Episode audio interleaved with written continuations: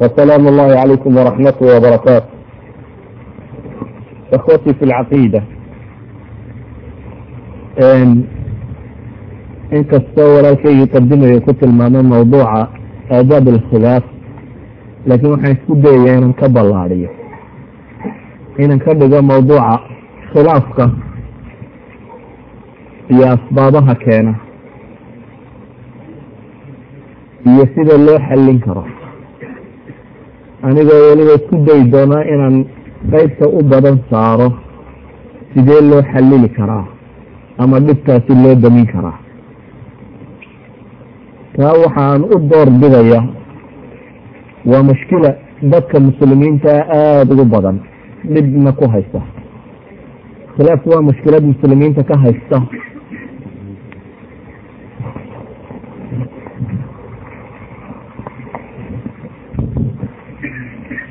khilaafku waa mushkilad muslimiinta ka haysata nolosha dhammaanteedba.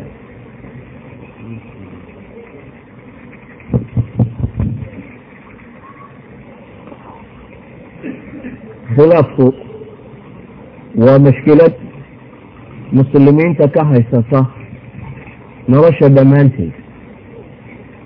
Waa dhibaatooyinka ugu waaweyne maanta aada moodo inay astaan u tahayba dadka muslimiinta meel kastoo isugu yimaadaan diin ahaan dhaqan ahaan dad ahaan wax walba waxaad moodaa ina khilaaf la geliyo waktiyadan dambe.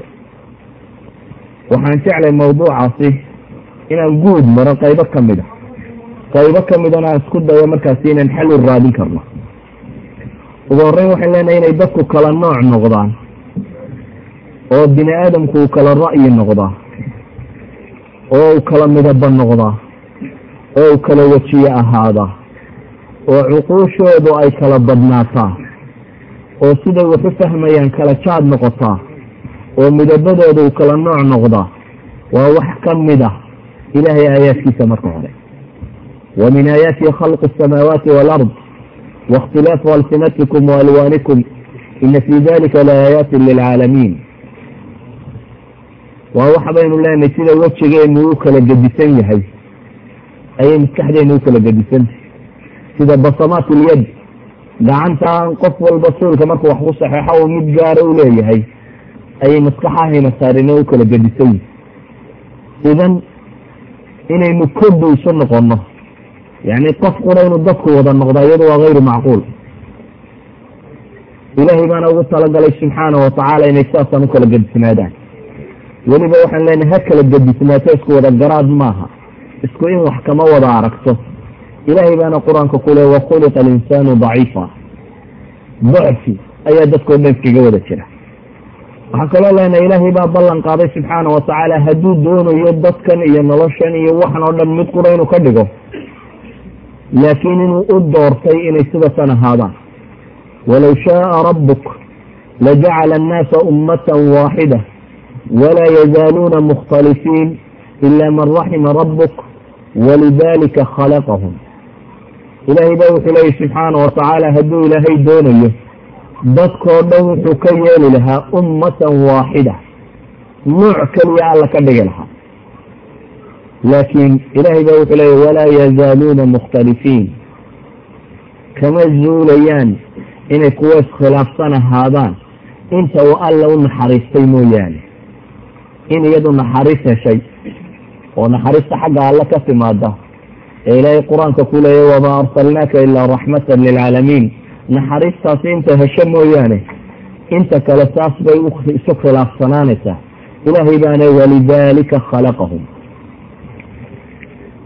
Waxaan leenahay waa wax caadiya marka hore in dadku waxyaabaha qaar ku kala gedisan bale adiga iyo aragtidaad shalay rumaysnayd beri inaan rumaysnaan baa la arkaa talooyinku siday shalay kuula muuqdeen maanta marka macluumaadkaagu kordhaan ama aragtidaadu korodho sidaa shalay waxu arkaysa inaad u arag baa la rabaa ayaa dhacda. Laakiin khilaafku waa laba nooc ama waxyaabaha dunida yaal iyo bini aadamku laba qaab buu u fakeraa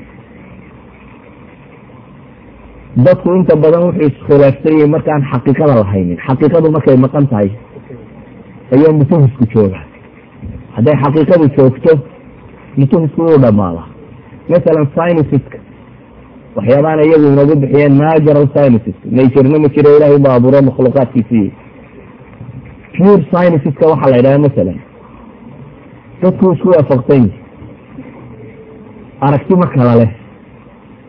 Masalada cilmiga scienska hadduu buudi soo helo iyo hadduu kristan soo helo iyo hadduu muslim soo helo waa tii un waa qaacida waaxida. Waayo laab baa la geeyaa. Dabeetana waa la tajribeeyaa dabeetana xaqiiqadaa caddaata xaqiiqadu markay caddaatana waa iskaga mid xaqiiqadan qofkii caddeeyey inuu kristan ahaa iyo inuu muslim ahaa iyo inuu buudis ahaa. Saa daraaddeed bini aadamku scienceska waxay u yaqaaneen iskuma khilaafo. Ama natural scienceska laakiin waxaa artka la yidhahdo isku khilaafa. Ama human scienceska waxay dhahdaan alculuum alinsaniya. Human scienceku ma aha scienceska bini aadamku shaqale waxa weya scienceska caqliga bini aadamka loo fiiriyo isagoo asalka u yihi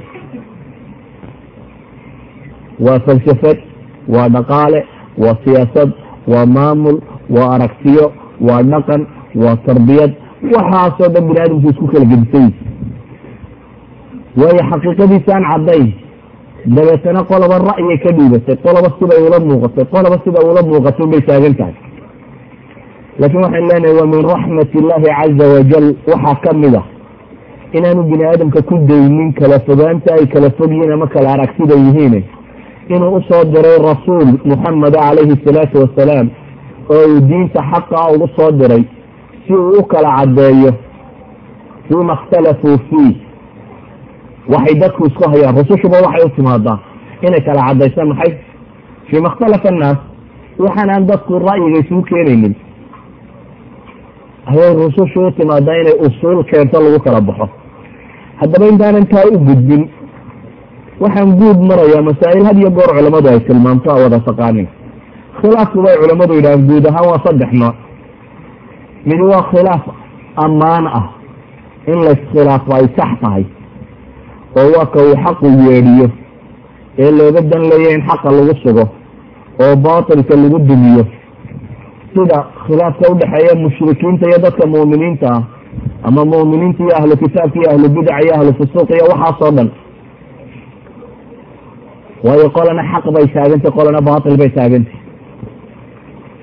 inaan lagu dayanin ama loo ekaanin gaaladoo dhan khilaafka in gaalada la khilaafo iyo waxeedu muctaqidaadki iyo afkaarti iyo waxaaskaas isagu waa xaq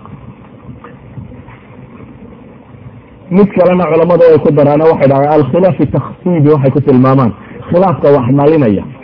Yani waxa weeyaan shuuraynu qabsano qof markuu musi yidhaahdo haddii aniga waxaasi ka gedisan arkayana ana soo bandhigo si ra'yigu u bislaado. Qofba qadiyada dhan ka eego dhan ka eego dabeetana aynu u gaari karno.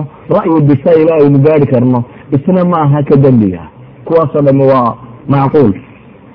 Khilaafka mid ka mid waa madmuun bay yidhahdaano waa mid xun waa wixii ay hawada naftu yeedhiso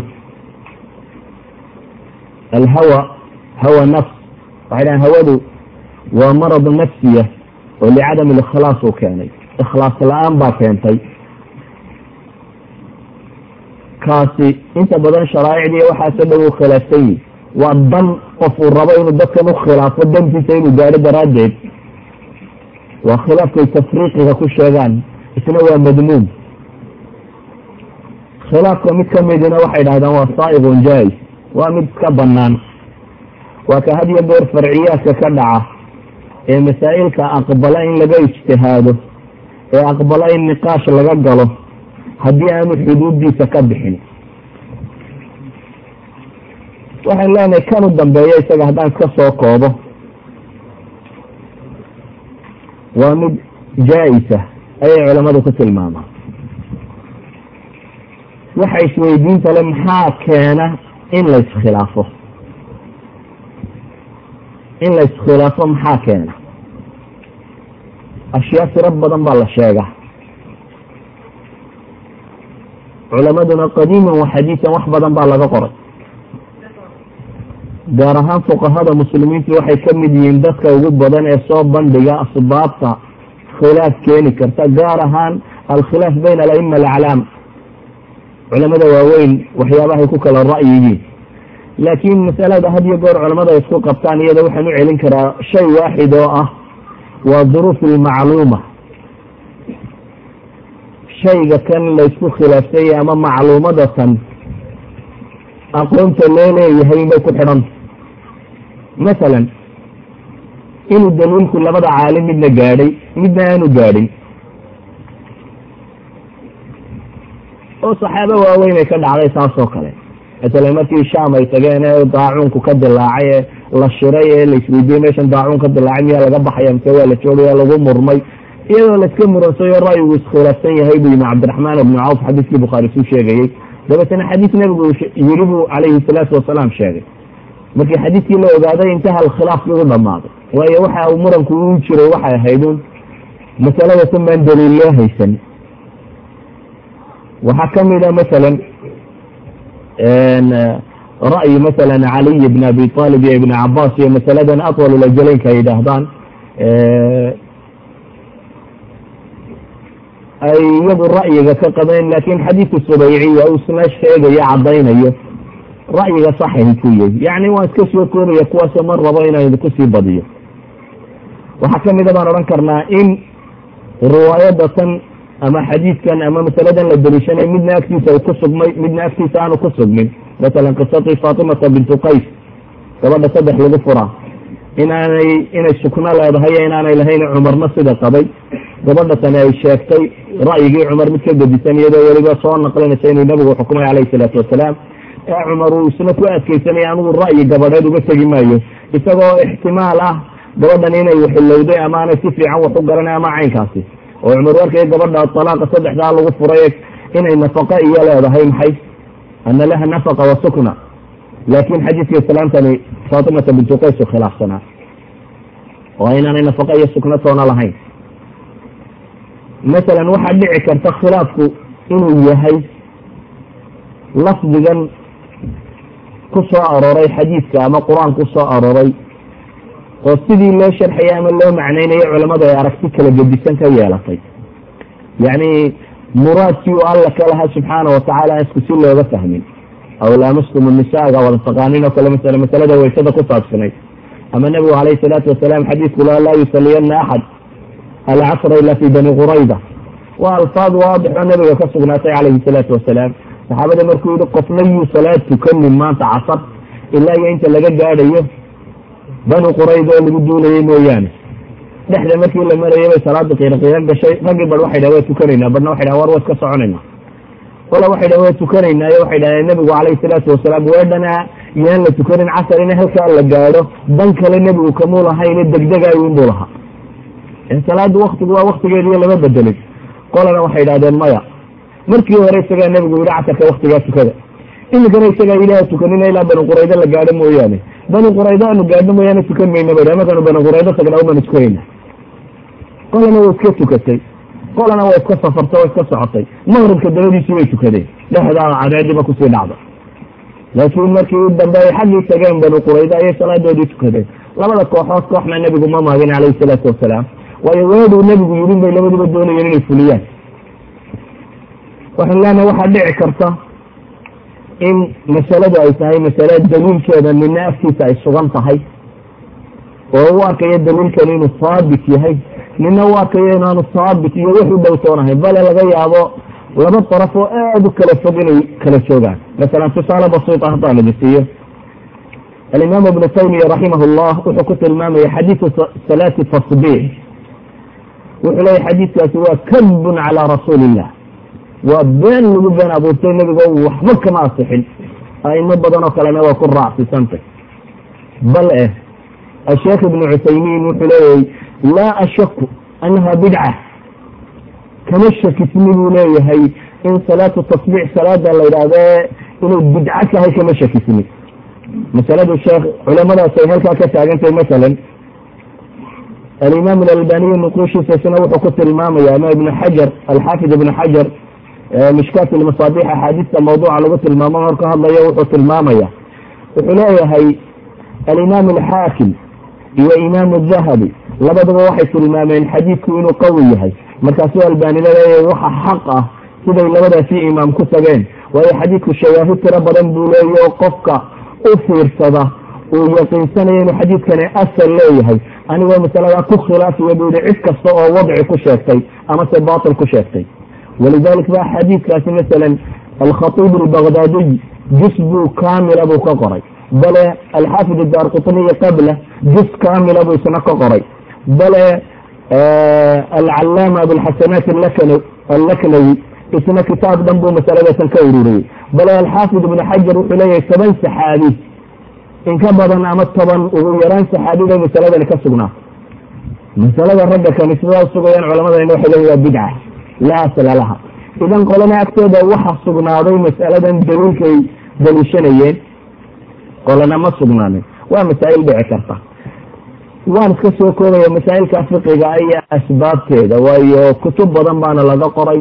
Waa min axsani ma kutub waxaa ka mid ah rafci lmalaam can aimat alaclaam lilimaam ibni taymiya raximah llah laakiin waxayn leenahay iyada masalada fiqiga waxayna iga filan qawaacid yaroo kooban aynu tilmaamno oo ah asal bay dadka muslimiinta isku waafaqsayn odhanaya iimaanka xaqa ahi iyo alictisaam bidiin illah inuu dadka waajib ku yihi uu yahayna waxa hanuuninaya dadka khilaafkooda yaraynaya.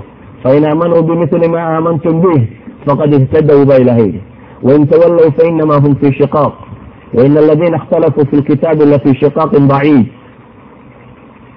shareecada oo laga taga iyadu ayaa khilaafka badan iyo masaa'ibta oo dham ay ka timaada shayga labaad ee qaacidada ay isku waafaqsay dadka muslimiinta iyo wuxuu yahaysna diinta tani inay dhammaystiran tahay.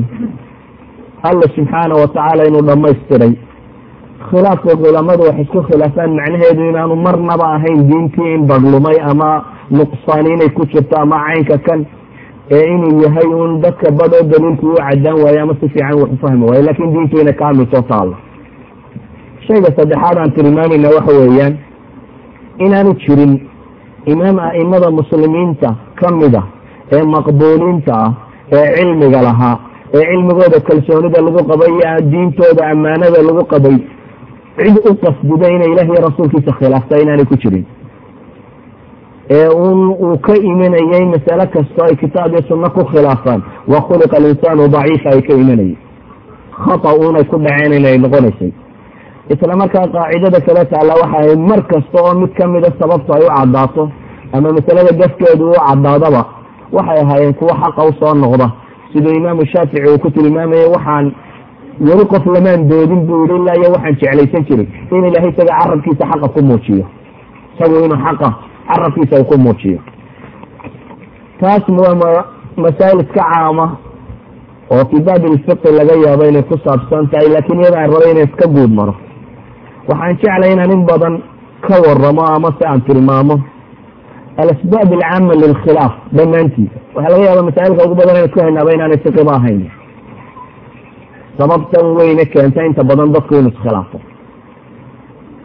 Ko waxa keena dadka in badjahli badan ku sugan yihi ilahay ba qur'aanka wuxuu ku tilmaamaya isagoo ahlu kitaabka inooga waramaya fanasuu xada mima dukiruu bih faaqraynaa baynahum alcadaawata walbagdaaa ila ywmi alqiyaama koox baa ilaahay ka waramo alla wuxuu leeyay wixii la faray qeyb kamida bay ka tageen jahli baa ku dhacay dabeetana ilaahay wuxuu leeyay waxaanu ku imtixaan cadaawo iyo uurxumo iyo iskhilaaf baa lagu imtixaamay qofku hadduu masale jaahil ka yahy indhuhu ka ridaa undi socankaa maaha qofku haddaanu masale garanaynin inta badan xukumka ka yimaada gaf buu isaga dhaca walidalik ba ilahay wuxuu tilmaamayaa lilfuqaraai aladiina uxsiruu fi sabiili illahi laa yastatiicuuna darban fi lard yaxsabuhum اljaahilu agniyaءa min atacafuf tacrifuhum bisiimaahum laa yas'aluuna annaasa ilxaafa.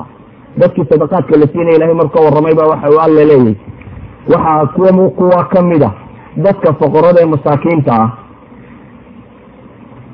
kuwaas oo aan shaqaysan karaynin dhibaata haysato laakiin ilaahay wuxuu ku tilmaamaya yaxsabuhum ljaahilu agniyaa wax magaratadu waxay moodaysaa ba alla yidhi inay hani yihiin. Sababtu waa maxay? Way dhowrsoon yihiin laakiin dadka eldheergaratada ahi waxa ay ku garanayaan calaamaadka kale ee ka muuqda dadka kan. Sidaa daraaddeed jaahilku had iyo goor axkaamta ka soo fushaa inay qalad u dhacda ilaahay tilmaamaya walidalik buu nabigu calayhi salaatu wasalaam min calaamaati saaca wuxuu ku tilmaamayay inay cilmiga kan uu alla faydi doono culammadu intay dhimato ay soo hadhi doonaan dad badan oo wax magarato ahi oo dadku dabeetana ay yeelan doonaan ru'uusan juhala xadiiskii bukhaari suu sheegayay madax aan waxba garanaynin dabeetana inta wax la weydiiyo dadka isaga fatwoon doona oo iyana lumaya dadkana luminaya idan jahligu koy waa sabab ka mida waxyaabaha dadku inay tafaruqu ku dhaco ummad tafaruqeedu tiro badan yahay haddaad aragto macnaheedu waxa weeyaan jahlaa haysta. Shayga labaad waa iyadoo dadka badano gaara iska wataan oo xaqa iyo xaqiiqada ay u khilaafayaan.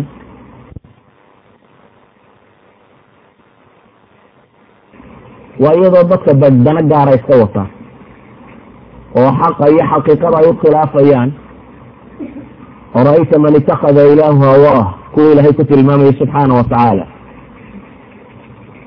shayga saddexaad waana sida ay inta badan sameeyaan ahlu bidca iyo wixii la nooci walidalik baa mubtadacada inta badan culamadu ahlulahwa ay ku tilmaamaan shayga saddexaad wuxuu yahay tacasubka waxa loo yaqaano qofka intuu cid uun ra'yigiisa iska qaato u arko un ciddaas inay boqol kiiba boqol sax tahay ama dhaqan hore ay haysatay iyo caade iyo wuxuu din gaara ha ahaado.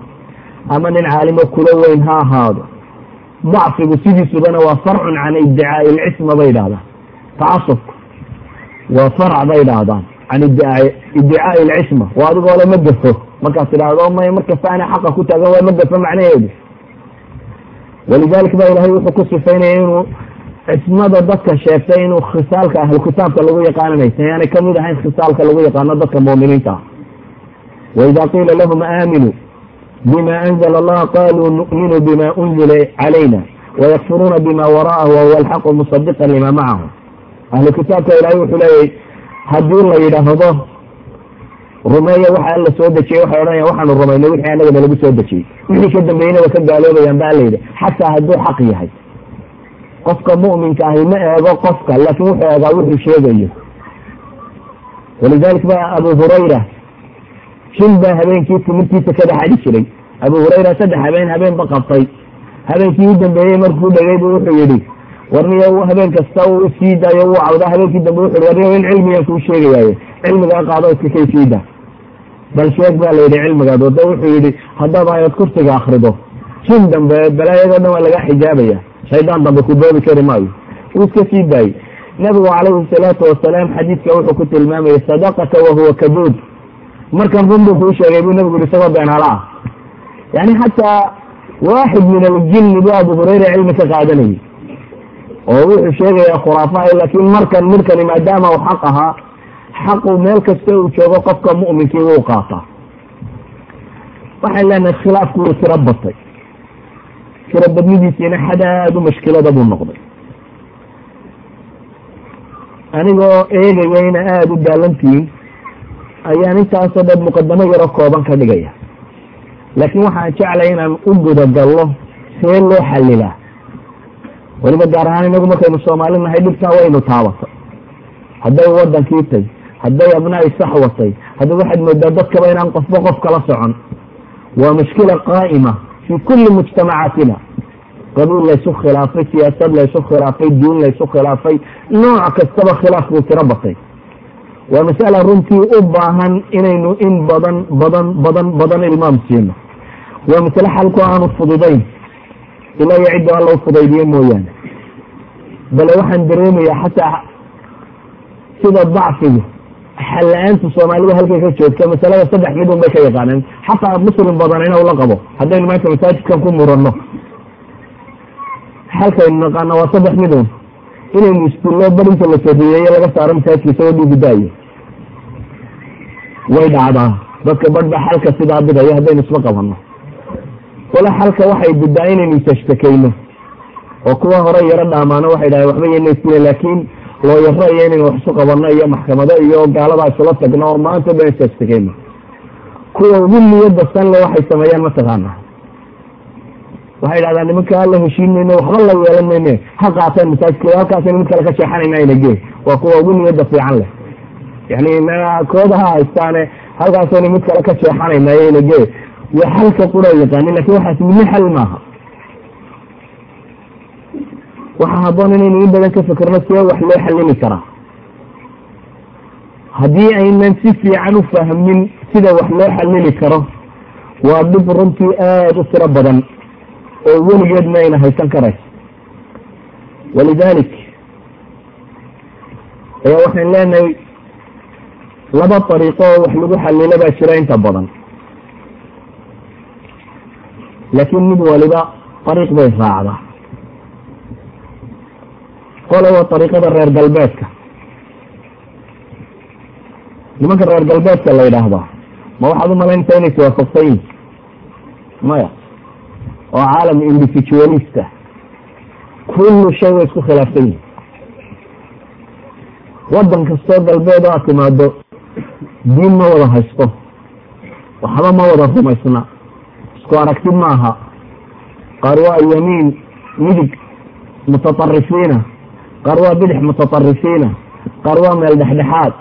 Diinta kuma wada kuma midaysna qaar ilaahba ma rumaysna qaar kristan bay rumaysan yihiin qaar wax kale ay rumaysan yihiin dhaqan kuma midaysna oo waxa laga yaabaa inay ajinaas kala nooco tiro badanna yihiin. Haddana waxaad moodaa burburkoodu ilaa xad inay xakameeyeen waa maxay sababta hunaaka shay waxiid. Waxay heleen iyaga aragtidooda qaab khilaafka loo xakamayn karo qaab khilaafka loo xakamayn karo. Qaabka khilaafka loo xakamayn kara ay heleen waxyi uma soo degin laakiin can ariiqi tajriba bay ku heleen. Way isku soo jabeen intaasoo jeer bay isdileen oo isgumaysteen laakiin way socon weyde maray yurub haddaad taariikhdeeda akrido in misunbaa dagaal ka dhex dhacay in misunbaa boqor la cirsaday ama wadaad la cirsaday ama qola ay xoog badatay ama taariikhda yuruba hore aad bay u madowdi. Maanta se nooc min alistiqraar bay heleen. Waxay gaadheen shay ayaanu odhan karno waxay u yaqaaneen musakanaat. Qofku markuu xanuunsado haddii xanuunka laga dawan kari waayo maxaa la siiyaa? Benkilar baa la siiya soo maaha? Yani waxyaabaha kan un atmis inuu qofku xanuunka ilaabi karo. Haddii aan xanuunka si fiican looga daweyn karaynin waa in xanuunka laylowsiin karaa waxay reer galbeedku qaateen ariiqo aan cadaalad ku salaysnayn oo xaqa aqoon laakiin taqaano masale kaloo ah inaan dhibtu dhicin. Waa ariiqo ah kulamaa xanuunkuu soo kacaba in loo badiyo un tabletka la siinayo si qofku u yaro dareemi karo raaxo. Waa waxa dimuqraatiyada loo yaqaano waxa laga yaaba dadkiina badan ay dimuqraatiyadda moodayaan cilmi cilmi maaha waa tajriba bini aadam uu sameeyo atwaar kala gedisan soo martay.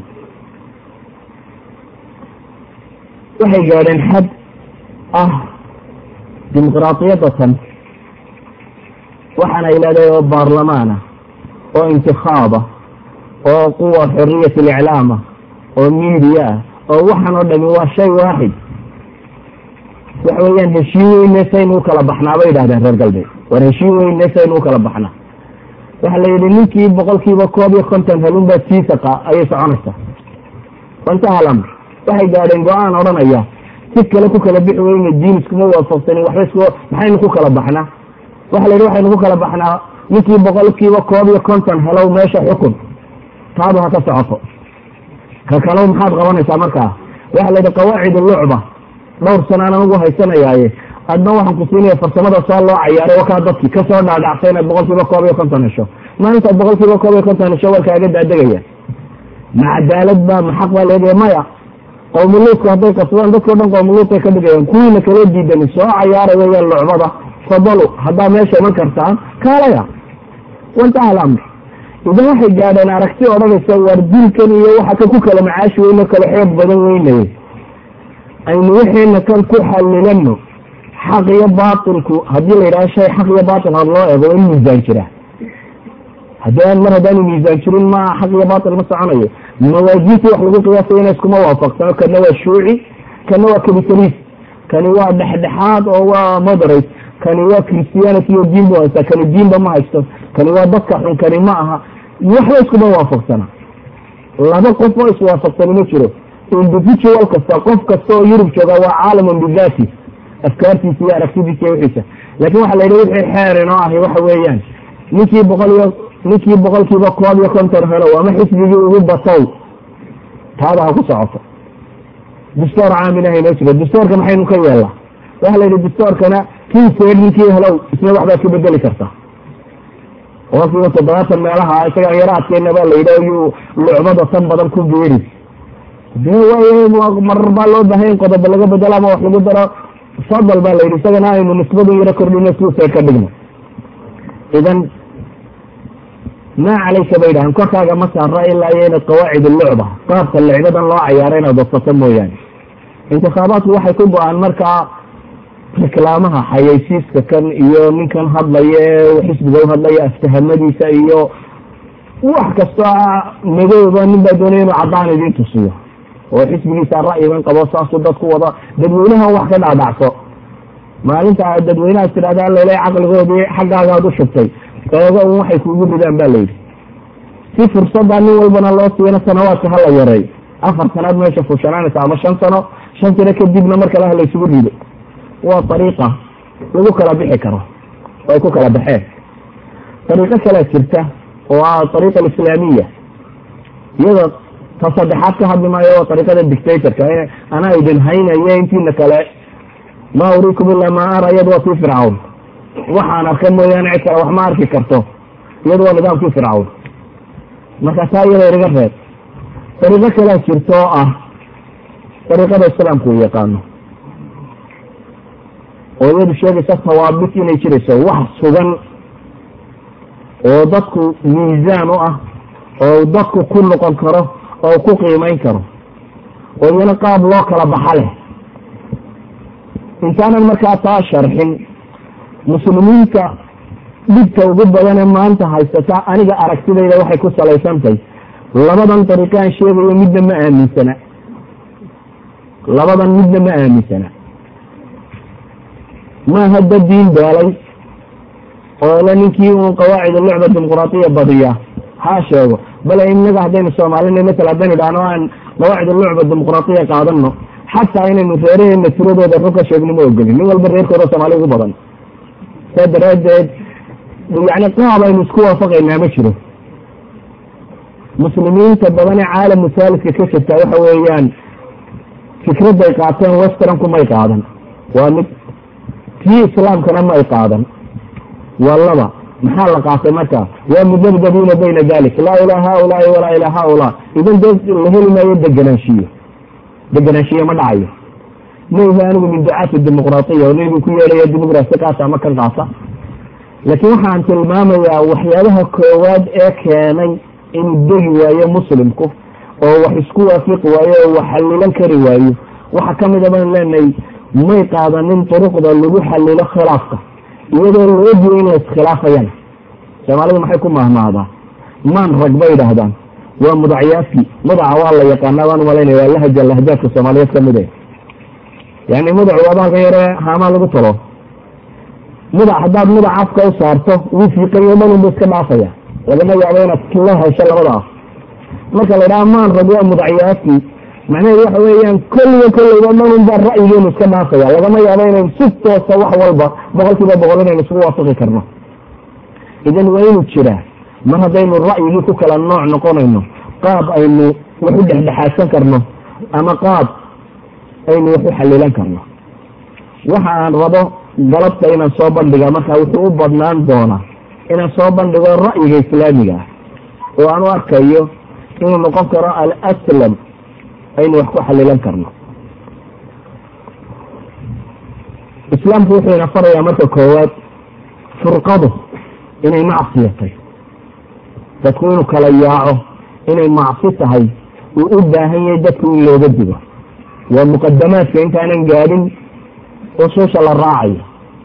Waxaan leenahay furqadu waa macsiyad aynu u baahanay inaynu in badan ka fogaano waayo ilaahay baa wuxuu ina leeyahy walaa takunuu kaaladiina tafaraquu waاkhtalafuu min bacdi ma jaءahum اlbayinaat waan ha noqonina baa ilahay lehy subxaana watacala sidii kuwii kala tegey ee iskhilaafay kadib markii bayinaadku cadaymuhu xagga alle markay uga yimaadeen ilahay baa wuxuu leey walaa takunuu min almushrikiin min aladiina faraquu diinahum wakanuu shiica kulu xizbin bima ladayhim farixuun waana ka mid noqonina ba alla leeyahy subxaana watacaala mushrikiinta ha ka mid noqonina mushrikiintan laynooga digaya waa kuwe. Ilaahay baa wuxuu leeyahy waa min aladiina faraquu diinahum. Kuwii diintooda kala kaxkaxeeyey ee kooxaha noqday ee koox waliba waxay haysato ku farax noqotay. Bale islaamku wuxuuna faraya furqadu inay tay nooc min alcadaab ilaahay uu soo dejiyo. Qaab dadka loo cadaababa inay ka mid tahay.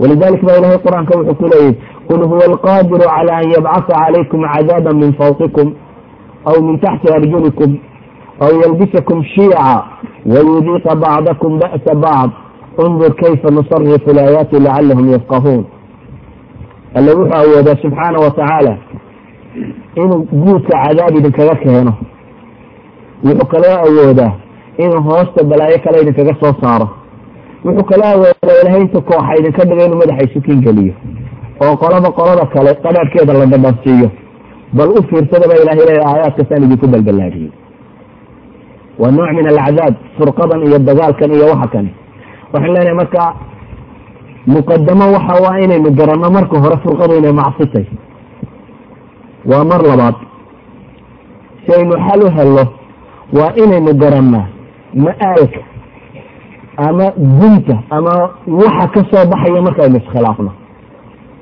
haddaynu taa garanno oo inala weynaato waxaynu ku xisaabtamaynaa in badan inaynu xal raadino furqo waxa ka soo baxa waa halaagka wax kale kama soo baxaan. Ilahay baa qur'aanka wuxuu ku leeyay waatiicu allaha warasuulah walaa tanaasacuu fatafshaluu watadhaba riixukum wasbiruu ina allaha maca asaabiriin war aliga rasuul yeelaba alla leeyay subxaana watacaala war ha murmino ha isqabanina baa ilaahay leeyay haddii kani ay dhacdo intaad murantaan oo isqabataan wixiina xali weydaan maxaa dhacaya? Ilahay natiijada uu inoo sheegaya waxaa laleeyahy fatafshaluu luqada carabeed fa'da waxay idhaahdaan waa fa litacqiib wa tartiib. Yani adawaat alcadfi ama xuruuf alcadfiga luqada carabeed waxa wax conjunction iska wax isku xidha. Macaani kale nooca bay leeyihiin qaar waxay tilmaamaan labada shay inaanay isku xigeen waxba kama sheegaan jaa muxamedun wa caliyun haddaad tidhahdo maxamed iyo cali baa yimi ma sheegayo kii soo horeeyey waktiga udhaxeeyey waxba kama waramayo wowgu. Haddaad tidhahdo jaa caliyun uma muxamedun waxa uu sheegaya tartiibun inuu cali yimi kadibna inuu yimi maxamed laakin taa inta ma sheegayo. Inta madba udhexeeya laga yaaba. Laakin haddaad tidhahdo jaa caliyun fa muxamedun haddaad tidhahdo macnaheedu waxa weyaan inuu cali yimi markiibana inuu ku daba jiro kii kalena uu ku fan jiray culamadii naxwe soomaalida odhan jiray. Yani wuu daba socday taaynu dhan ma dhexaynin ilahay halkan fa buu ku isticmaalay waxaa la leeyahay walaa tanaazacu. Waar ha murmino ha isqabaninoo caynkan haddaad taasi dhacdo xal weydaan maxaa dhacaya? Ilahay wuxuu leeyay fatafshalu. Waa fashilaysaan ba la yidhi. Watadhaba riixukum xooggiina iyo dowladnimadiina iyo dadnimadiinana waa la waayaya waxaan u malaynaya masalada ninka soomaaliyeed inaan loo sharxaynin ilahay wuxuu leey war isqabanina haddaa isqabataan xal raadiya haddii kaa la waayaba laleeya waxa ka dambeeya waa in idinka laydin waayo iyo dowladnimadiina iyo dadnimadiinaba maxaa ilaahay aayadda tacqiib uga dhigay inaynan degdegine xal raadino wasbiruu ina allaha maca asaabiriin baa ilahay leeyahy aayadda tacqiibkeedu waa kaa war sabra baa ilaahay leeyahy ilahay wuxuu maciisa kuwa sabreen qadaayaadkiina in badan sabri iyo dulqaad ku daya sida daraaddeed furqadu inay xun tahay daraaddeed. Ayaa nabiyullaahi haaruun calayhi asalaam markuu walaalkii ka tegey nebi muuse calayhi salaam oo lagaga tegay reer banu israiil uu sii wacdiye wuxuu sii sheegay reer banu israiil waa kii saamiriwaale bar ka mid ay dibiga caabudeen. Kamuu tegin nabiyullaahi haaruune in badan wuxuu yiri nimanan sax waa sa diideeno way tun jileecsadeen weliba. Muuse markuu soo noqdayna wuxuu arkay nimankiioo dibi caabudayo wuu cadhooday alwaaxdiina intuu daadiyey ayuu walaalkii gabka iyo timaha dhuftay.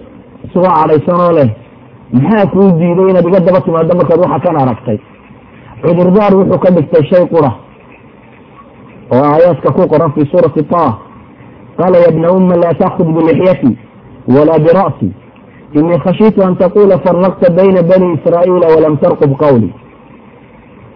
War hooyaday kay dhashayow buu leeyay dadka iyo madaxa toona hayjiidi waxaan ka cabsaday inaad istidhaahdo reer banu israa'iil baad kala qaybisay adigoon warkayga sugini. Waan arkayaa inay gaalnimo cad ku sugan yihiin. Waxaan rabay inaynu talada isku soo gaadhno meel ka wada istaagno. Ee gaalnimo iyagoo ku sugan baan weli la sii dhex joogay. Anigoo ka cabsanayey inaad hadhow ugu eedayso tiraahdo ina khashiita an taquula faraqta bayna bani israa'iila walam tarqub qawli. Sida daraaddeed furqadu xalkeeda waxaa ka mid ah inaad jaratid hadday timaado waxa ka dambaynaya wuxuu yihi haddaynu xal weyno inaan waxaana inaga dhexeeya jiraynina waxa ka dambaynaya halaag yahay.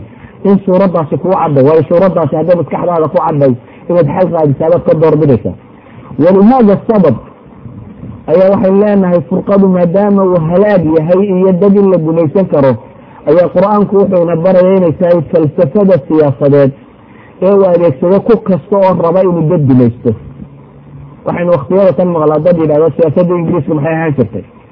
Divide and rule baynu maqlaa. Qaydis oo xukun. Laakiin maaha siyaasada ingiriisku keenay. Waa siyaasadii fircawnuu lahaa. Waa madhabu fircawn fi siyaasa. Waa madhabku fircoon taagnaa ee maamulka uu ka taagnaayo siyaasadda waxaa la ydhaha ilahay baa qur'aanka wuxuu ku leeyay ina fircawna calaa fi lard wajacala ahlaha shiyaca ystadcifu طaa'ifata minhm yudabixu abnaa'ahum wayastaxyii nisaa'ahum inahu kana min almufsidiin baa ilahay yidhi ilahi wuxuu fircawn wuu qooqay oo dhulka wuu ku kibray laakiin maxaa ka dhiga qof inuu dad ku qooqo waxaa ka dhiga masaladatan wajacala ahlaha shiyaca baa ilahay yidhi dadkan uu ku dhex qooqay kooxuu ka dhigtay u kala qaybqaybiye qaar la soo dhaweeye qaar la fogeeye qaar la maago bulshada markaad qaybsato hadday kuu qaybsanto waad gumaysan kartaa marka adiguna. Waayo iyadaa badno xoogeedi ku raacsay badno kaasoo horta iyadumaad isku tumaysaa. Saa daraaddeed baa ilahay wuxuu leeyay fircawn wuxuu adeegsaday wajacala ahlaha shiica baa ilahay yidhi. Dadkeedii buu kooxa ka dhigay. Markuu kooxa ka dhigay maxaa soo baxay? Yastadcifu taa'ifatan minhum baa ilahay yidhi. Koox ka miduu markaa gumaystay markuu dadkii qaybqaybiye isku ogaaday qayb in isaga la jirto ayuu qaybtii reer banu israa'iil ha gumaystay oo uu ku xukumay gumaysi kii fool xumaayo ah reer dhan inuu yidhaahdo rag ma dhashaan. Wixii wiil ka dhashay hala dilo. Dumarkuun ha loo daayo. Xukunkiisana kaasuu noqday reerka ku gumaysa idan xataa isticmaarku ma suurtagalaha inuu gumayso dad gumaysto ilaa iyo inuu dadka qaybiyo mooyaane. Ummadda midda ahi ma aha ummad la gumaysan karo. Islaamkuna walidalik buu dadka muslimiinta wuxuu ugu yeedhayaa inay noqdaan kamasali ljasad lwaaxid jid qura inay isku noqdaan. Waayo laga xoog badan kari maayo markaa laakiin inta ay kala fog yihiin way dhacaysaa. Falsafadaasi uu fircoon fahmay ayaa was kuma fahmay reer galbeedkuna taas buu gartay. Dabeetana wuxuu gartay inuu dadka qaybiyo si uu uxukumi karo. Walidalik baa caalamu thalif maanta ma jiro meel dhib ama dagaal ama waxaas ay ka jiraan ilaa iyo duwalka reer galbeed hareerahay kaga jiraan weliba atraafta kala gedisan bay kala raacsiisan yihiin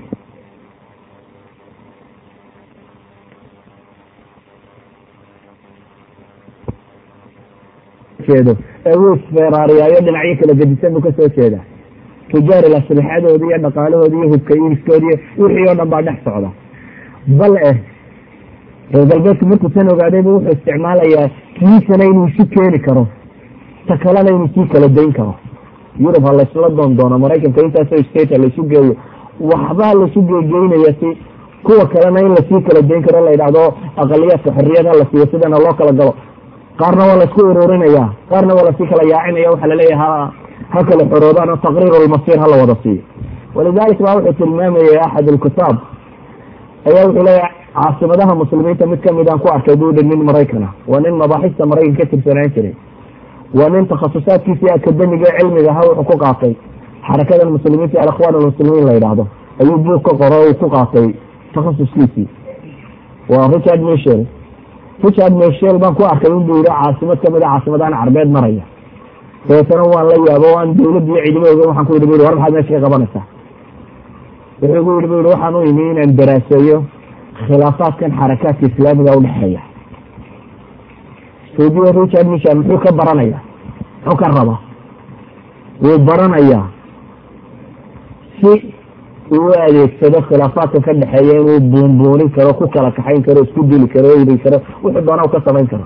Yani ilaa xad baa loo samaystay maraakis dhan oo cilmiya oo baxsiya inay baadi doonaan furuuqda iyo waxa u dhexdhexeeya. Dadka muslimiinta ayaa caalamka saddexaad idan wasku wuxuu ogaaday inaan ummad colonization lagu samayn karin la gumaysan karin ilaa iyo ummadda in la qaybinayo laakiin ummad kasta oo la qaybiyo in loo gumaysan karo economically socially politically everywhere educationally si walba in loo gumaysan karo. Waxay yidhahdeen culamada sunuuntan ka warama miqyaasyada ummadaha lagu qiyaaso waxaa kamida bay yidhahdeen haddaad aragta bay dhahdeen dad murankiisa xadayn kari waayey. Waxaad ogaataa waa dad dhimanaya. Waa cudurrada halistee bulshooyinka ku dhaca ee sheega geeridooda inay timi. Saa daraaddeed ba waxay dhahdeen haddaad aragto dad marka ay murmaan xadayn kari waayo murankooda oo qaab inu xallili kari waayo waa ummad dhimanaysa bay idhaahdaan walidalik ba iyagu si aanay u dhiman waxay garteen inay miinusun sameeyaan qaabun inay sameeyaan murankooda ay xal kaga gaadi karaan walow badna hala dulmiye. Laakin caalamulislaami waxaad moodaa in la xadayn kari waayo murankii inoo dhexeeyey oo ay suurtoobi weyday in xal gaaro laga gaadho. Waxay dhahdaan murankoo la xadayn kari waaya. Waa sign of ignorance bay dhahdaan. Waa ummadaha jaahilka waxyaabaha lagu yaqaano bay dhahan dadka aan kobcin. Dadka aan kobcin waa ka ilahay qur'aanka muxuu ku tilmaamaya? Yuhuudda ilahay ka warramay qur'aanka. Markaasa waxaa la yihi taxsabuhum jamiican wa quluubuhum shata maxaa lagu cileeyey dalika bianahum qawmun laa yacqiluun ba ilahay yihi wajul aan caqliga isticmaalayn baa lagu tilmaamay idan cadam alcaql wa cadam tafakur waxyaabaha ka dhasha waxaa ka mid a in dadku murmo un markaa murankaas wuxeedu ku gabagabooba. Haddaad aragto dad markaa murmaya un muranka wax ka dambeeyana waa si laga dagaan un iyo xoog iyo boob. Intaa dadka hadday aragtidiisu noqoto waxaad ogsoonaataa ummadatan jahli kii ugu weynaa inuu haysto. Jahli aada u badan waa calaamaadka lagu garta bay leeyihiin waxyaabaha jahli uu ku dhaco calaama kamida calaamaadka lagu garto. Waxay leena waxaynu u baahanay marka haddaynu dad muslimiina nahay inaynu in badan masaladan ka fakerno in badan inaynu eegno murankeena inaynu xadayn karno. Hadday taasi dhacdo waxa dhacaya inaynu guulaysan karno. Waxa dhacaya inaynu jiritaan yeelan karno. Idan abnaai saxwa aw abnaai alxaraka alislaamiya waxay u baahan yihiin inay xadayn karaan murankooda qabailka soomaaliyeed waxay u baahan yihiin murankooda inay xadayn karaan siyaasiyiinta soomaaliyeed waxay u baahan murankooda xadayn karaan haddii taa la waayo waxa ka dambeeya an waa inay dilno waa sababta aynu wax u wada yeelan kari weyne maanta waxa laga yaaba wadan kastoo yurub ka mida inay soomaalidu filqantay organisation inay dhistaan wuu fududyi maalin intaa nin u yimaado khayr qabi wuu isku ururin karaa laakiin cabsi waxaan ka qabaa un bil kadib inuu dumayo. waayo waxaan lahaynin markaynu isqabanno si loo kala baxo. idan mar haddaanu jirin marka la isqabto si loo kala baxo uu yahay inaynu isdillo inaynu ishashtakeyno iyo inaynu kala guurno o nidhaano jaaliyadaas xun isku qabanay waa mid kale halkaa inooga furo inuu noqdo. xalkaynu garanayna hadduu saddexdaa yahay waxba ma wada lahaan karno. ilahina qur'aanka wuxuu ku tilmaamayo ina kasiira min alkhulaطaa layadii bacduhum calى bacd ila aladiina aamanuu wacamilu صaalixaat dadka wax isku darsadaabaa ilaahay leeyahy ama dadka isdhex gala inta badan way isku xadgudubtaa waayo bini aadamkaas ka damaaca lama waayo qaab dadku isugu xadgudbo way isdulmiyaan ba ilaahay leeyahy kuwa qura ee laga soo reebay waa maxay waa kuwa iimaanka iyo camalka suuba laga helay ikhwatii fi lcaqiida muran iyo dhibtii waa ogtiin oo idinkama waramayo dee soomaaliyatin ina soomaalaan ahay. Marka waynu isla garanaynaa ka iyo dhibta u leeyahy caalamulislaami baynu ka nimo muslimiin waxa haysta baynu aragnaa iyo dunida saa loogu gumaysta ay mustadcafiin ugu yihiin iyadoo aan dunida laga tiro badnayn oo laga xoolo badnayn oo aan laga cilmi badnayn. Waa sheeko waxa dadka bara isugu sheekeeyaan nawowi ba halkan lagu haystaa within no time baa nawowi caalamulislaami lagu samayn karaa. Within no time. Laakin waxa isweydiinta lagaa ka run sheegaya raba inu sameeyo waxa isweydiinta loo keligii wuxuu yahay walaa jaamica carabiya baa jiraysa walaa jaamica islaamiya baa jiraysa walaa soomaaliya jiraysa walaa wadan yaroo kasta maanta waa la sii kala burburinaya. Wasku wuxuu rabaana inuu sii kala burburiyo wasku ma jeclaa dunida cid kaloo isu timaada xataa indhayarka iyo kuwa aan diimo badan haysan inay isu yimaadaan wasku ilaalinaya. Waayo damisada uguma jirto. Laakiin iyagu waxay ku tala jiraan inay soo yimaadaan iyagu waxay ku tala jiraan. Iyagoo kala afafo kala luqa kala diima waa kaa yurub oo lasku sii wadaamo. Waa loo sabray. Ina ilaahay so inalama ahaa wasbiruu in allaha maca saabiriin soo lama laha. Iyagoo khilaafaadkooda hadday maanta ku heshiin waayaan waxay ku talagaleen inay sabraan. Twenty years fifty years. Intay iminka socotay? E sida yurub ku taqaana shan dowladood baa bilaabay. Maantana waa ogtin inu dhowr iyo toban marayso yaa bilaabay in yar baa bilowday maanta halkan bay maraya shandan yaa bilaabay in yar baa bilaabay maalinba mid waa loo yeeltelaya in dabeetana lagu talagelaya maalinba si mid loogu weeraya u soo geli lahaa. Ilaa iyo inta laga dhigayo inay mid noqon karaan. Waa laga yaabaa mar in la yidhaahdo jamaarigta aan ka midowno. Jamaarigta waa in la yidhahdo taxiska iyo meelaha kan xuduudun aan soo yaro furo mar in la yidhahdo dhaqaale aan ka midowno euro iyo hal lacagaan wada yeelano berri waxaa la arkaa inaad aragto iyadoo la yidhahdo siyaasadda aan ka midowno oo baarlamaan keliya ama ra'isul wasaare keliya ama caynkan. Waa step by step. Laakiin waxaa la rabaa step la qaaday inaanu duminayno xagga in loo sii socdo. Inagu wax laga yaaba intaynu xiisoonno maalin qura inaynu madaxa ka bilowno. Shirkan caawa intaynu isku wada raacno aan israacno aroortin ba hal mushkilado yar inugu imanaysa wuxu baynu isku dilaynaa. Maayo maan isu qabanayna intaasuna u dumaya dabeetana waayo waynaynu kulanno ururna maha mushkiladda laakin one problem inaynu xalila iyo inaan awoodeeda lahayn hal mushkilado keliya inaynu xalilayna awoodeeda lahayn waa fani runtii u baahan daraasadiisa waa fani u baahan tarbiye iyo akhlaaq waa fani dhaqan u baahan waxaan leenahay islaamku xuluul buu masaladan inooga dhigay waxa ugu horreeya islaamku marjac buu sameeyey maskaxyadeeni mar hadday iskhilaafayso meel horta marjac oo isagu absolute value wax lagu tilmaamo meel aynan isku khilaafsanayn waynu u noqonayno. Waa waxyigii xagga alle ka soo degay. Ilaahay baa wuxuu inoo sheegay inaynan inagu wax badan garanayn isagu se wax badan garanayo wallahu yaclamu antum laa taclamuun ba ilahay antum aclamu am illah ilahay baa wuxuu inoo sheegay wamaa uutiitum min alcilmi ilaa qaliila. Ilahay baa inoo sheegay wallahu caliimun khabiir wa fawqa kula dii cilmin caliim ilahay baa sifat lcilmi inoo sheegtay. Ilahay baa walaa yunabi'uka mitlu khabiir sheegtay. Sidoo alla waramayo cid idinku waramaysaa ma jirto. Maadaamay taasi jirto ilaahay wuxuu ina leeyahy anaa waxaa absolute valueskee miisaanka dhabtaa idin siinaya ee wax ku miisaamanaysaan. Waxay u baahan tihiin shay kasta oo miisaamaysaan inaad saartaan oo ku eegtaan. Laakiin miisaanka waa kan baa laleeyahy anaa idin og baa ilaahay leeya inaad iskhilaafi doontaan kaana annaasu ummatan waaxida fabacata allahu nabiyiina mubashiriina wamundiriin waanzala macahum alkitaaba bilxaq liyaxkuma bayna annaasi fiima اkhtalafuu fiihi baa ilahay yidhi dadku mid quray ahaayeen oo aadan baa wada dhalay tawxiid bay ku sugnaayeen waa kala tageen oo gaalo iyo muslim iyo waxbay kala noqdeen ilahay wuxuu leeyay nebiyaan idin soo diraa digaya oo idin bushaaraynaya kutub baan u soo dhiibay xaqa ku sugan yahay maxaa sidaa u yeelay baa ilahay leeyay liyaxkuma bayna annaas fiima اkhtalafuu fiih dadku waxay isku hayaan in lagu kala xukumo baa ilahay leeyahy ambiyadan iyo rusushan iyo waxyiga waxa loo soo diray inay noqdaan miisaanka aynuu noqonayno ilahay baa wuxuu leeyay fain tanaasactum fi shay faruduuhu ila allahi wاrasuul waar markaa murantaane arrimiisu kin qabsan weydo alla iyo rasuulkii u celiya baa laleeyay subxaana watacaala in kuntum tuuminuuna billahi walyawmi alaakhir alla iyo maalinta qiyaame haddaan rumaysatiin dalika khayru waaxsanu ta'wiila. Idan kitaabka iyo sunuhu ama waxyigu wuxuu u yimi inay inaga mideeyaan arrimaha maanku ina midayn kari waayo arrimaa jira maanku ina midaynayo kuwaa lama odhanin kitaab baa laydinka soo dejiyey. Syniska laynama odhan kitaab baa laydinka soo dejiyey. Waayo waxa looga inaynu ka midoobi karno haddaad masalata la timaado waa fisigisa waa caynkan.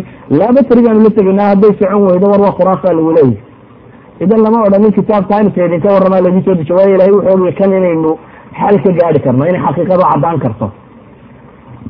Kitaab tiba laynoma soo dejin waayo waxa la ogyahay haddaynu tajaaribteena isticmaalno inay xaqiiqadu caddaan karto. Walaakin masaa'ilka inan marnaba gun ka gaari karin.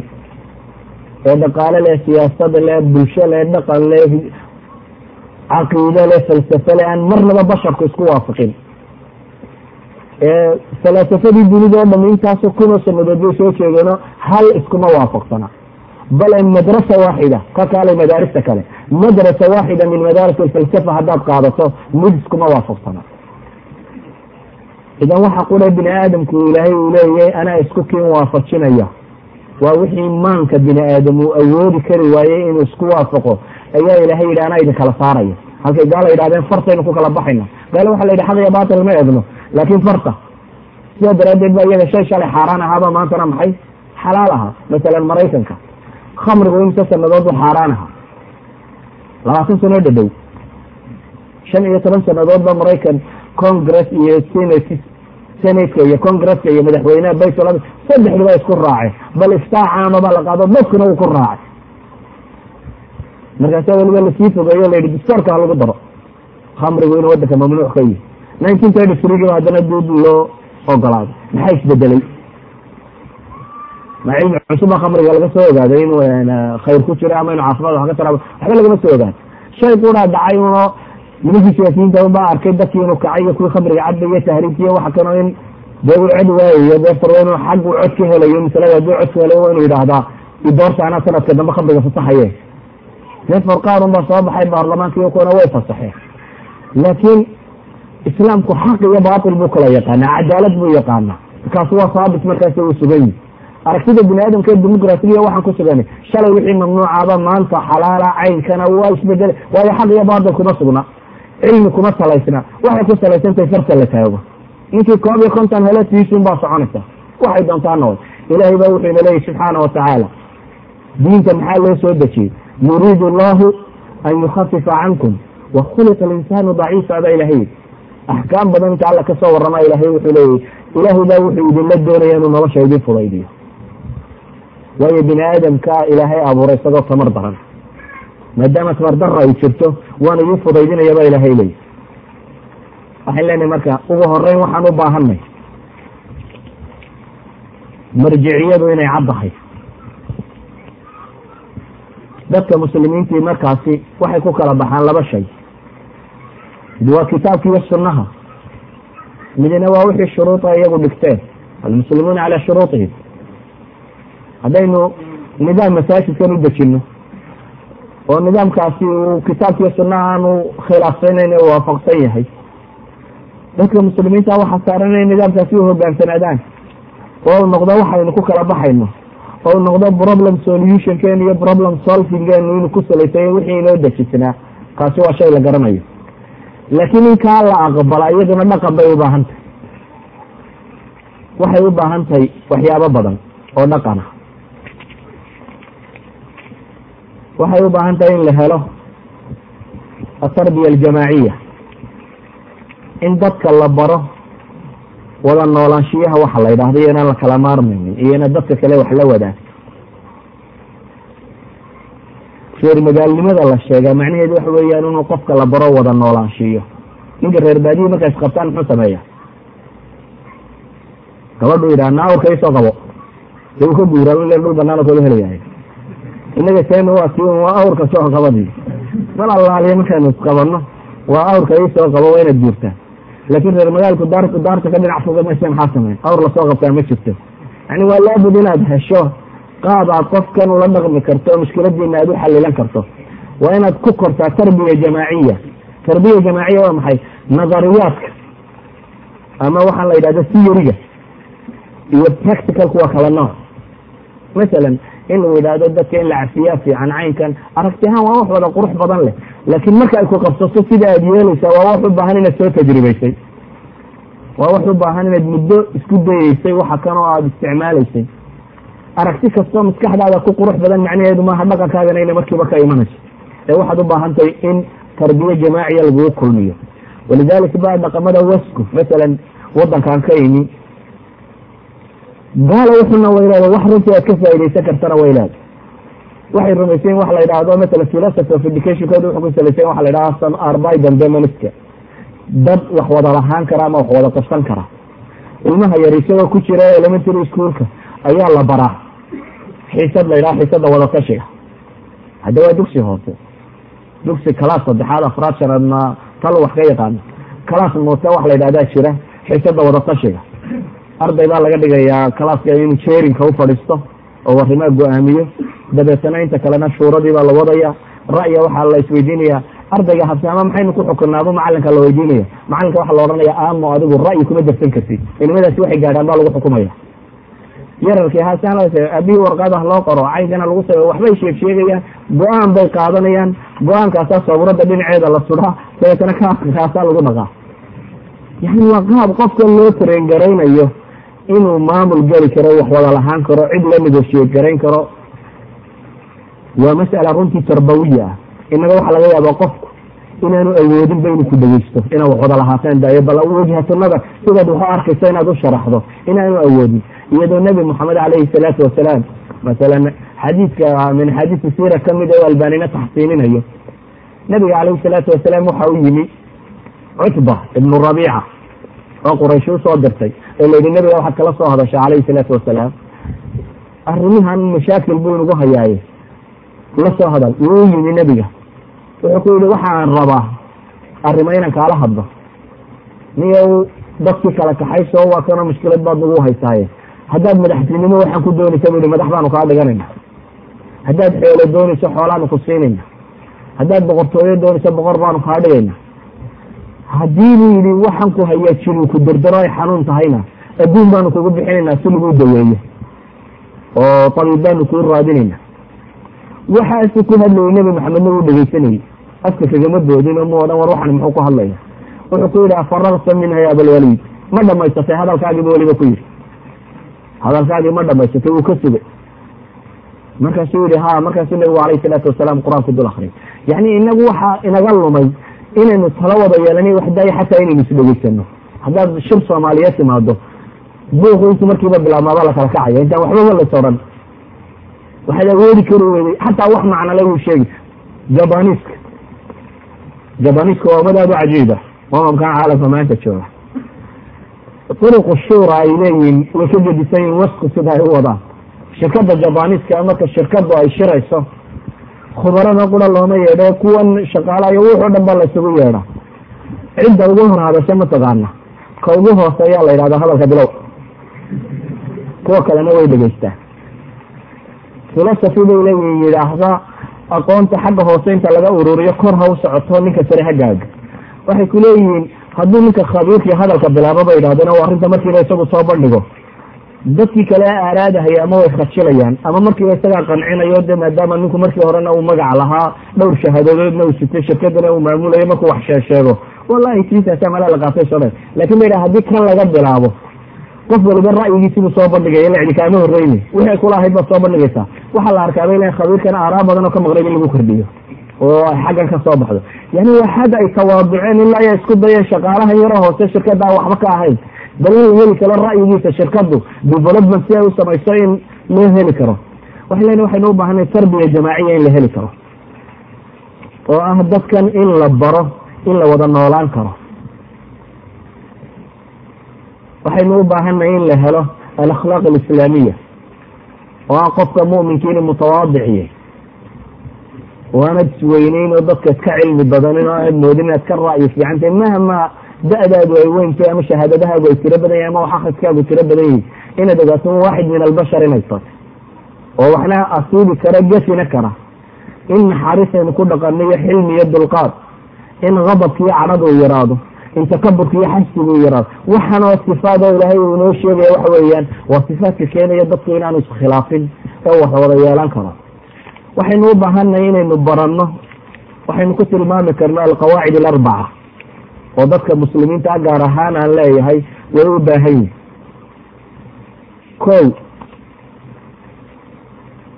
waxaynu u baahanay inaynu baranno inaynu is dhamaystirno oo khayrka intaynu kala qaadano atakamul watacaawun aw ilbinaai macan duminta qof waliba wuu yaqaana ilahi wuxuu ley watacaawanu cala albiri wataqwa idan wixii bir iyo taqwa inaynu isku gargaarsano waxaynu u baahanay inaynu ogaano qofna inaan ilaahay u ballan qaadin cismo ee qofku inuu gafi karo. Walidalik buu nabigu calayhi salaatu wasalaam kuwa gafay ku tilmaamayay haddana ficladoodan inuu beri ka noqdo ee aanu iyaga beri ka noqo. Khaalid ibnu waliid buu nabigu diray calayhi salaatu wasalaam reer bani jazima. Markuu u tegayna niman buu laayey intay yidhahdeen saba'na saba'na way gafeen inay yidhahdaan aslamnaa bay garan waayeen. Sabana iyo aslamna waa isku macno dhow yimid. Sabana carabteena wax isticmaali jirtay qofku markuu diin ka baxo diin kala galo. Sabana sabana bay yidhahdeen halkii laga rajaynay inay yidhahdaan maxay? Aslamna calaa kulli xaal wuu laayay nabigaa loo sheegay alayh isalaatu wasalaam. Xadiidka bukhaari wuxuu tilmaamaya inuu ku ducaynayay nebigu. Allahuma inii abra'u ilayka mima sanaca khaalidin ilahay berihii waxaan kaaga ahay buu nebigu yidhi wixii uu khaalid sameeyey. Khaalid baan beri ka ahay nebigu ma odhan. Waa khaalid wuu gafay qadiyadda tanna wuu ku qaldamay waxaa la mid ah usaamata bnu sayd. Ijtihaadkiisii qaldanay ahaa ninkii laa ilaha illa lah yidhi u dilay. Maxaad ka yeeli doontaa buu nebigu kulahaa maalinta qiyaame laa ilaha illa allah seed ka yeeli. Waxyaabaha badane cudurdaarka u keenay. Idan qofku wuu gafi karaa isagoo khayr doonayey inaynan qofkao dhan tuurin masaladuu gafo ama caynka baynu u baahanay waxaynu u baahanay inaynu dareenno dadka muslimiinta inay walaalayiin.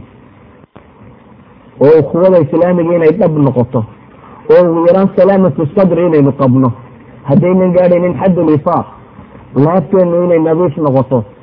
Oo had walaalkaa laabtaada u xaadhan tahay. Waxaynu u baahanay baanu leeyahay markaan soo koobo dhaqan islaamiya oo fiican. Ikhwati fi lcaqiida mawduuca kani waxaan leeyahay maaha mawduuc muxaadaro maalin laysugu yimaado lagu dhamayn karo. Lakin waxaan leenahay waa mawduuc tarbiye u baahan oo daraaso u baahan oo cilmi u baahan. Waa mawduuc u baahan yani waxaan walaalada qabtay iyo aniguba aan rajaynay inaan uga dan lahayn inaan maskaxdiina ku abuuro ina asiladan dib isu weydiisaan oo idinku hoomweero ku qaadataan oo isku daydaan inay xal raadin kartaan isku daydaan inaa problem solutionka barataan sida mushkiladu markay timaado loo xalilo waayo taa un baynu furqada kaga baxayna. Midna waan idiin sheegayaa muslimiintu laba intay midun raaci la-yiin suurtagal ma aha inay sidan ayiin ka baxaan imaa inay gaalnimada iska cadaystaan hadday dee rabaan inay gaaloobaan. Oo taa westranke ah sida loo kala fartaaga badnan yahay in lagu dhaqmayo imaa in islaamnimo la cadaysto oo ah marjiciyada islaamka saxa in loo noqonayo oo iyana ay fududay si lagu kala baxaa laakiin tadabdubkan ah maalina dimuqraasiaanu nay maalina diinta ha lagu dhaqmo reerku maxkamad ha samaysto qolada tani islaamka maalmaa lagu xukumo maalinta tuufta dhawaasho maxaakimta la doorto maalinta kale la tadabdubka nooca kana waxba kuma islaaxayaan inaynu baranno inaynu wax wada lahaan karno oo wada maamulan karnona mooyaane. Waxba ma suurtagala yani dawladnimo iyo wax ka weyn daayo masaajid yar ama xarako yar ama wax yar baynan wada wadi karin. Inta aynan baranin problem solution. Inta uu masaladeenu ku salaysantahay marka aynu wax walba isku aragti ka nahayna waynu wada socon karnaa. Marka aynu waxyaabaha qaarkood ku khilaafnana bes maalintaa waynu dibaynaa mar hadday tahay. Dhismo kasta oo la dhiso anigu shakan ka qabaa inuu sii socon karo. Haddaan loo helin turuqa loo xalilo khilaafka wax kastoo a wada yeelanaysaana waxaan idinkula talin lahaa inuu cad yahay maalinta isqabataan saa u kala bixi lahaydeen wax kastoo a wada yeelanaysaan inuu cad yahay maalinta isqabataan war westranku xad bay gaadheen shirikaadka masala waa wey waynu naqanaa waa multi nation bayna yidhaahdaan iyo waa mutacadid ljinsiyaat intaasoo jinsiyaad kalele shareholder baa kalele waxan. Laakiin waxaa jira qaanuun yaro fudud ay idhaahdaan almuasisiin dad baa iskale bahashan magaceeda asalka intaa un baana kala diri kartaa balaayiin adigoo kulebaanad haddana ra'yi buuxo ku lahayn ama kuwa kala diri kara aanad ahayn waayo waxay ugu talagaleen inay xadeeyaan khilaafkooda inay ilaalin karaan waxaan uga jeedaa waxaasoo dhan inaynu wax baranno inaynu bilowno saynu mushkiladeena u xalili lahayn inaynu taa ka bilowno nafteena inaynu tarbiyeyno oo ah inaynu baranno hogaansiga ugu horeyn alle inaynu u hogaansanaano islaamku iyo muslimku aslamtu lilahi markaa da ilahay baan isu dhiibay weeyaan. Isu dhiibku inuu dhab inaga noqdo. Ilahay rasuul waxay go'aamiyaan inay noqdaan wixii kama dambaysta ahaa. Masalada intaanu daliilku ku cadayn hadal iyo war iyo waxbaad keeni kartaa laakiin marka daliil cadaado iyo ilaahay halkuu inala rabo inuu muranku hado waxay dadkii muslimiinta hore ku guuleysteenna waa taa. Waxaan ku soo koobayaa. Ilahay xaq ahayna waafajiyo wallahu aclam wabilahi tawfiiq